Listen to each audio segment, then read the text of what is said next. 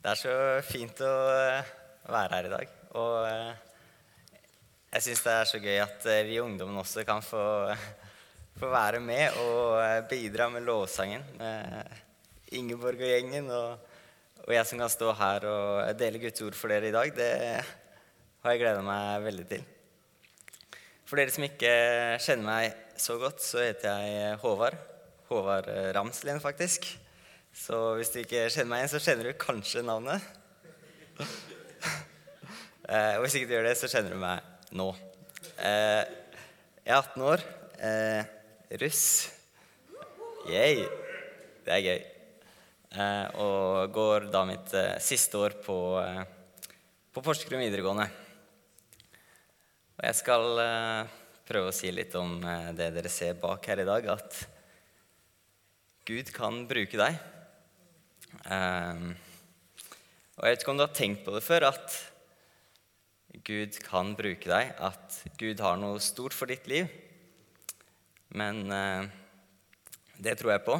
Og når du ser det, så tenker du kanskje at ja, det er noe som gjelder uh, Trond, pastoren i kirka, eller Henrik. Og det, det tror jeg at uh, stemmer, det også, altså. Men det jeg ønsker å formidle for dere i kveld, er at Gud faktisk ønsker å bruke akkurat deg, uavhengig av hvem du er. Og egentlig, hvor spesielt er det ikke at Gud, som er skaper av alt, skaper av universet, ønsker å ha noe med oss å gjøre? Og at vi har en eh, helt spesiell og egen plass i hans hus. Og eh, kanskje du er ofte i kirka.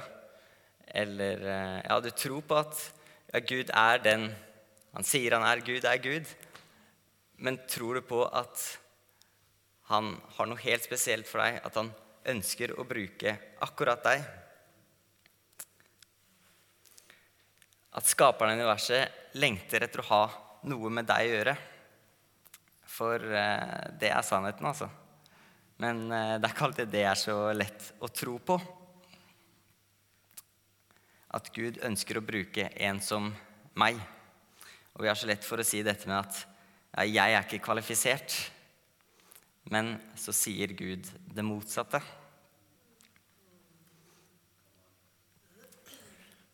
Ja, jeg er ikke kvalifisert. Gud sier det motsatte.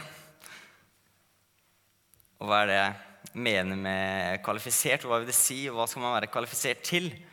Jo, jeg kunne like godt sagt at vi kan føle at vi ikke er eh, gamle nok, ikke gode nok.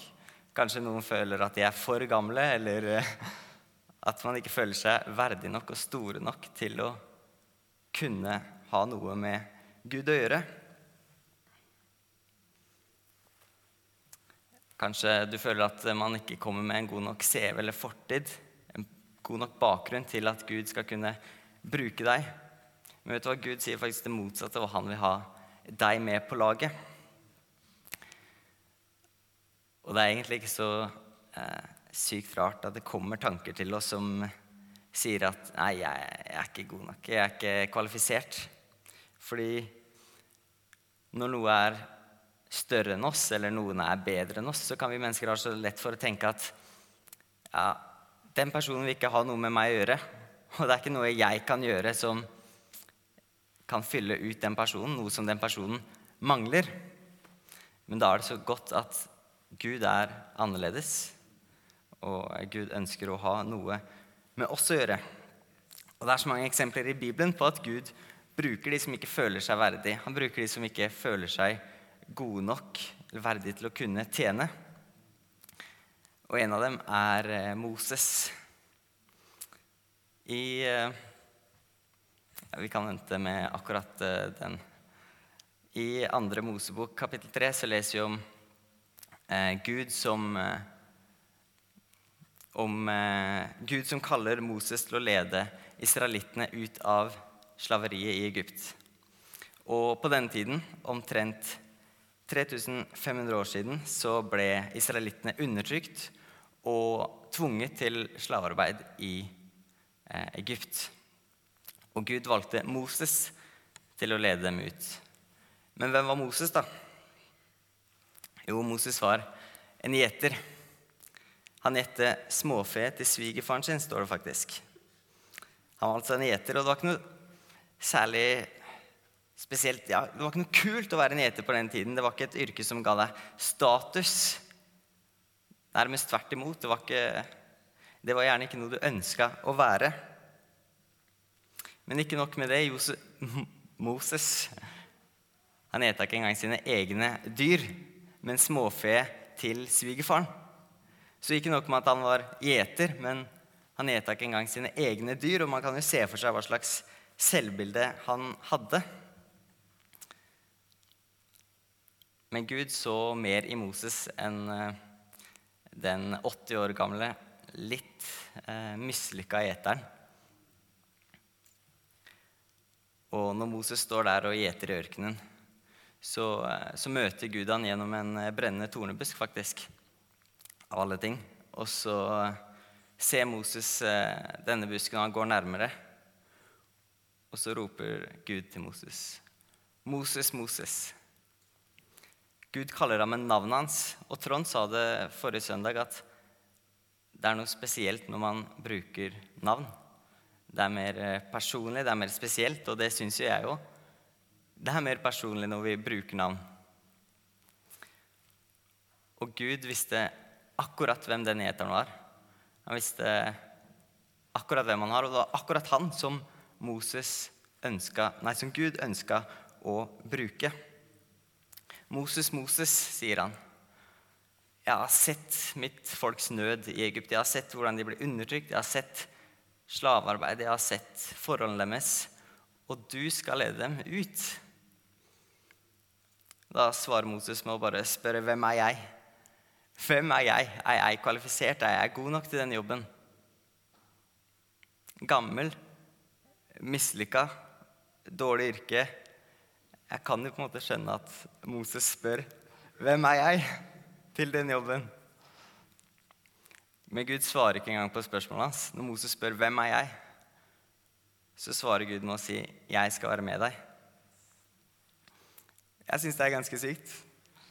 Hvem er jeg? Jeg skal være med deg. Han svarer ikke engang på spørsmålet. Og det handler jo ikke om hvor lite egna Moses er til den jobben eller hvor stor den Gud som er med han, er. For å sette det veldig på spissen så er det nesten irrelevant hvem du er, hva slags evner du har. Det som heller vil være relevant, er jo hvem Gud er, og hvor stor han er. Amen. Og I Jeremia nå kan vi få opp den, eh, så leser vi også om noe lignende. Eh, og Jeremia er en eh, profet som han levde omtrent 1000 eh, år etter dette skjedde med Moses, at han ledet israelittene ut av Egypt omtrent 600 år før Jesus kom. Og I det første kapittelet i Jeremia så leser vi om da Gud kaller Jeremia til profet. Så vi kan lese. Herrens ord kom til meg. Før jeg formet deg i mors liv, kjente jeg deg. Før du ble født, helliget jeg deg. Til profet for folkeslagene satte jeg deg. Men jeg sa, Å min Herre og Gud, se, jeg kan ikke tale. Jeg er for ung. Da sa Herren til meg, Du skal ikke si, Jeg er ung. Overalt hvor jeg sender deg, skal du gå, og alt jeg befaler deg, skal du si. Vær ikke redd for dem. Jeg er med deg og skal berge deg, sier Herren. Herren rakte ut hånden og rørte ved munnen min.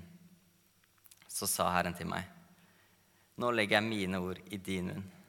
Se, jeg setter deg i dag over folk og riker, til å rykke opp og rive ned, til å ødelegge og knuse, til å bygge og plante.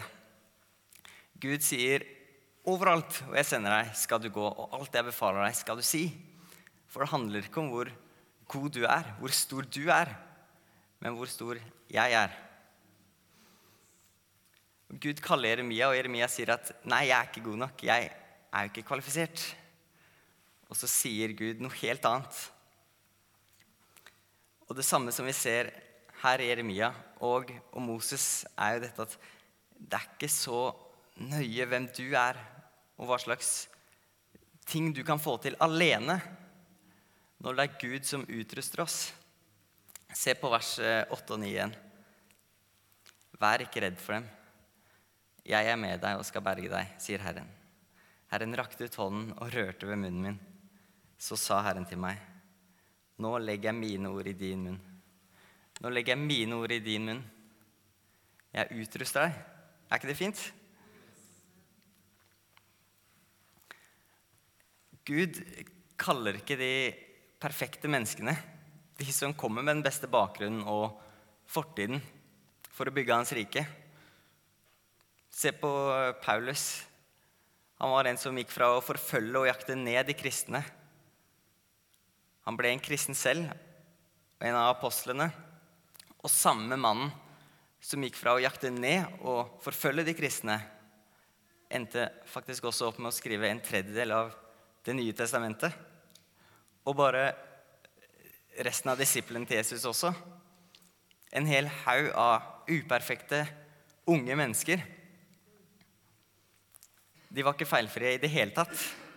Men det er jo akkurat de Gud kaller sånne som deg og meg. Oss uperfekte mennesker. Og du er kalt. Det er mye man kan uh, digge med Jesus. det er mye jeg digger med Jesus, men noe av det jeg digger mest, det er måten han uh, skiller seg vekk fra alle de forventningene folk hadde til han. Og forventninger og tanker om hvordan han skulle snakke med mennesker. Hvordan han skulle møte mennesker, eller hvordan han skulle reagere i ulike situasjoner eller hvem han brukte tid med. Og Jesus skilte seg vekk fra det man tenkte at skulle komme fra en konge som Jesus. Han som kom som verdens frelser, var så ydmyk og brukte tid med sånne som meg. Og han kaller på de som egentlig ikke er fortjent til å ha noe med Jesus å gjøre. Altså Han henger med folk som i menneskers øyne ikke er verdig.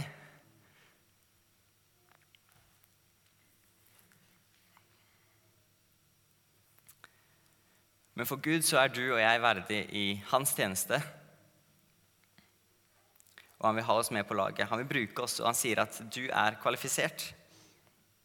I Matteus 9 så, så sier Jesus at ja, Det er ganske kult, faktisk. Han sier, 'Jeg er ikke kommet for å kalle rettferdige, men syndere'.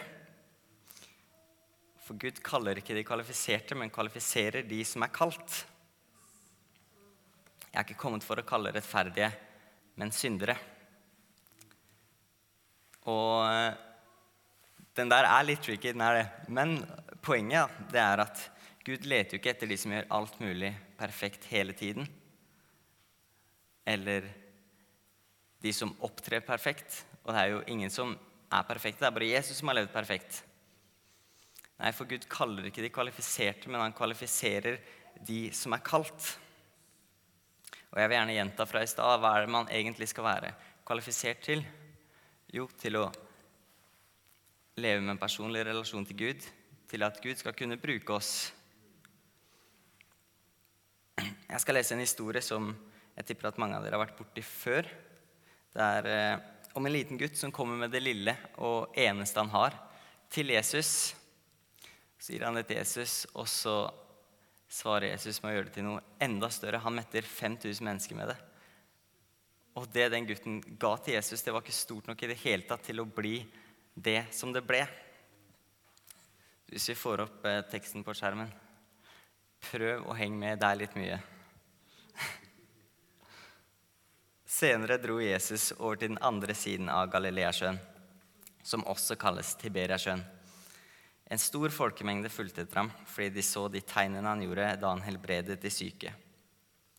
Jesus gikk opp i fjellet, og der satte han seg sammen med disiplene. Påsken, jødenes høytid, var nær. Jesus løftet blikket og så at en stor folkemengde kom til ham. Han sa da til Philip, 'Hvor skal vi kjøpe brød, så alle disse kan få noe å spise?' Dette sa han for å prøve han, fordi han visste selv hva han ville gjøre. Philip sa, brød for 200 denarer er ikke nok til at hver av dem kan få et lite stykke. En annen av disiplene, Andreas, bror til Simon Peter, sa da til han, det er et barn her som kommer med fem byggbrød og to fisker. Men hva er det til så mange? Da sa Jesus, la folket sette seg. Det var mye gress på stedet, og de satte seg ned. De var omkring 5000 menn. Da tok Jesus brødene, ba takkebønnen og delte ut til dem som satt der. På samme måte delte han ut av fiskene, så mye de ville ha. Da de var blitt mette, sa han til disiplene.: Samle sammen stykkene som er til overs, slik at ikke noe går til spille.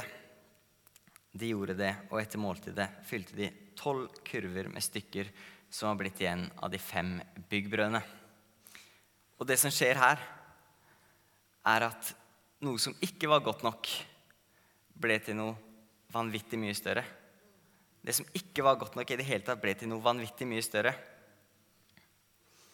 Og jeg er jo egentlig ikke kvalifisert eller god nok alene til at Gud skal kunne gjøre store ting og kunne bruke meg. Men det er Gud som kvalifiserer meg til det, og det er jo i Han jeg er god nok.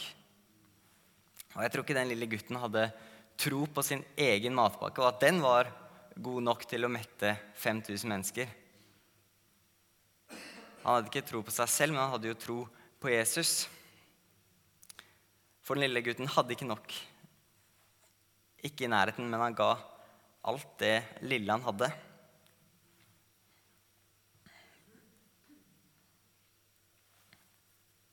Og det er jo akkurat det Jesus spør deg om også.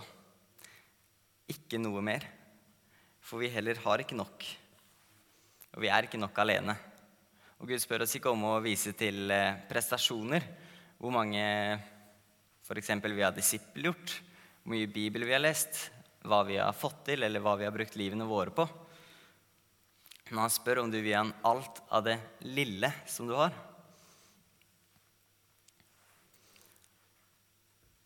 Og hvis vi var gode nok alene, hva var det vitsen med at Jesus døde på korset? Hvis du ser for deg den dårligste versjonen av deg selv, den mest syndefulle, den mest feilfulle, nedtråkka og dårligste versjonen av deg Jesus døde for den versjonen av deg. Og du trenger ikke å ha prestert noe for å ha en relasjon til Gud, for Jesus har allerede dødd på korset for deg. Gud spør deg faktisk om han, om han kan få hele deg med på laget. Den lille gutten sa ikke 'Herre Jesus, ta, ta tre av brødene mine og én fisk', men resten det må, jeg, det må jeg ha selv. Ta oss og Lag noe stort ut av det. Nei, han ga Jesus alt. Og det er jo det Gud spør deg om òg. Han spør deg om du vil tjene han hver dag, om du vil være en etterfølger av Jesus på heltid så kommer tro og forventning til det Gud kan gjøre med deg, det Gud kan bruke deg til. Hvis du gir han ditt fokus og din tid. Vi kan få opp to vers som står i Efesbrevet som Paulus har skrevet. Her står det Og hvor overveldende hans kraft er hos oss som tror.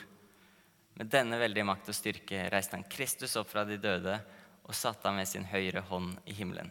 Og videre i kapittel 3 så står det Han som virker i oss med sin kraft og kan gjøre uendelig mye mer enn det vi ber om og forstår. Se på det første verset, hvor overveldende hans kraft er hos oss som tror. Det er den samme kraft som reiste Jesus opp fra de døde. Og den har vi her inne.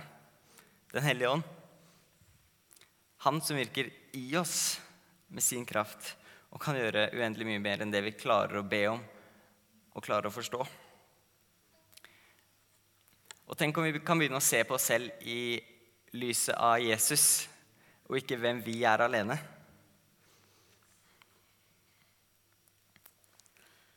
Som jeg sa innledningsvis, så har Gud planer for deg. Dette er en eh, lysbryter. For dere som ikke ser det, så er det en lysbryter. Og eh, det finnes en likhet mellom deg, meg og denne lysbryteren. eh, lysbryteren den er forma og skapt på en helt unik måte av en eller annen ingeniør av noe slag. Ikke ta meg på den, men det er i hvert fall en skaper som har forma denne lysbryteren på en helt spesiell måte for å gjøre det skaperen av lysbryteren har tenkt at lysbryteren skal gjøre. Og det har du også. Gud har skapt deg på en perfekt måte for at du skal kunne leve ut og gjøre det som Gud har for ditt liv. Og se for deg at denne lysbryteren den kan skru av og på lys i en hel by. ok? Den er kilden til lys i en hel by. Det vet ikke nødvendigvis lysbryteren.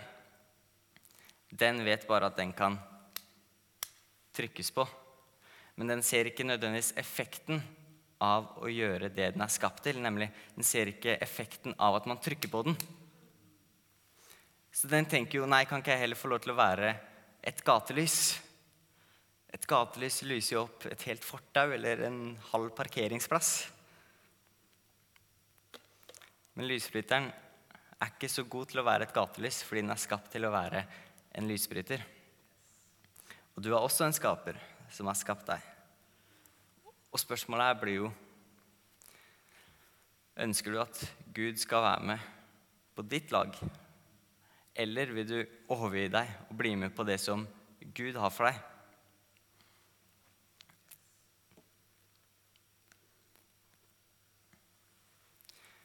Og jeg tror Gud vil bruke deg. Vi kan få opp eh, siste lysbilde. Jeg tror Gud vil eh, bruke deg, at han har store ting for ditt liv. Og at han kan ta deg til nye høyder. At Gud både kaller, men også vil og ønsker bruke alle, uansett hvem du er. Og som Jeremia mente at Nei, jeg er ikke verdig til at du har dette for meg. Og så sier Gud noe helt annet. For Gud krever ikke at vi er gode nok alene og i egen kraft, eller at vi har gjort ditt eller datt tidligere. Men han spør om du vil komme med hele din matpakke.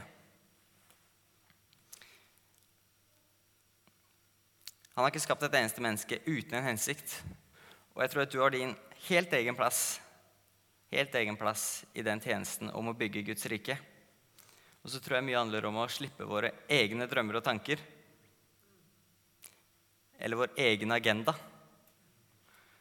Kanskje i ditt liv så kan det se ut som en vane eller en eh, relasjon, en drøm eller noe helt annet. Men jeg tror det handler om å nettopp ikke spare på den ene fisken og det ene brødet. For se for deg at den matpakken det er et bilde på det du ønsker å leve for, det du ønsker å tjene, gir du da hele matpakken din til Gud? Eller gir du mesteparten, men du tar vare på ett av brødene? Og det gir du til å tjene verden?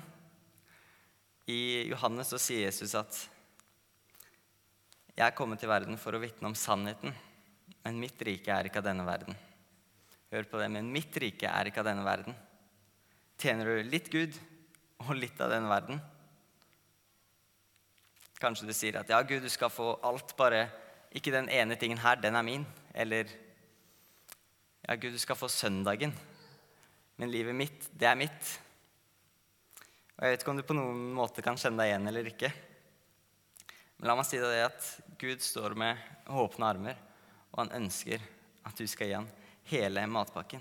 Fem brød og to fisk ikke bare halvparten. For Gud vil bruke deg, og han har store for, ting for ditt liv. Men kanskje han venter på at du vil ta det imot, at du gir Gud det du holder litt ekstra igjen på. Og tenk på den lille gutten som ofret hele nista si til Jesus. Og han ville helt sikkert ha den selv. Men han ga Jesus hele nista si. Og hva svarte Jesus med? Jo, han gjorde det til noe enda større, noe enda bedre.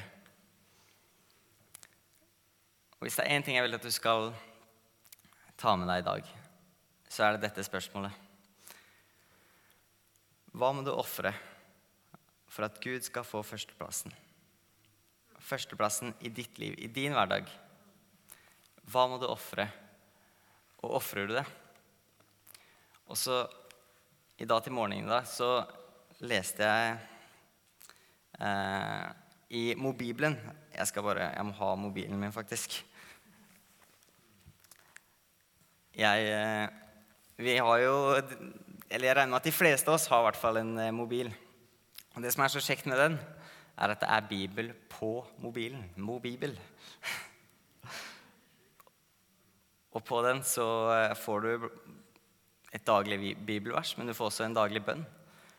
Og den bønnen som kom her i dag, den syns jeg var så fin at eh, jeg tenkte jeg skulle, skulle lese den for dere. Gud, ingenting kan måle seg med deg. Du alene er god. Du alene er majestetisk. Du alene er prisverdig. Takk for at du skapte meg, kalte meg ved navn og ga meg en hensikt. Takk for at du lot deg selv bli kjent av menneskeheten. Jeg kjenner ærefrykt for din ydmykhet, godhet og nåde. All ære, makt og lovprisning tilhører deg. Amen.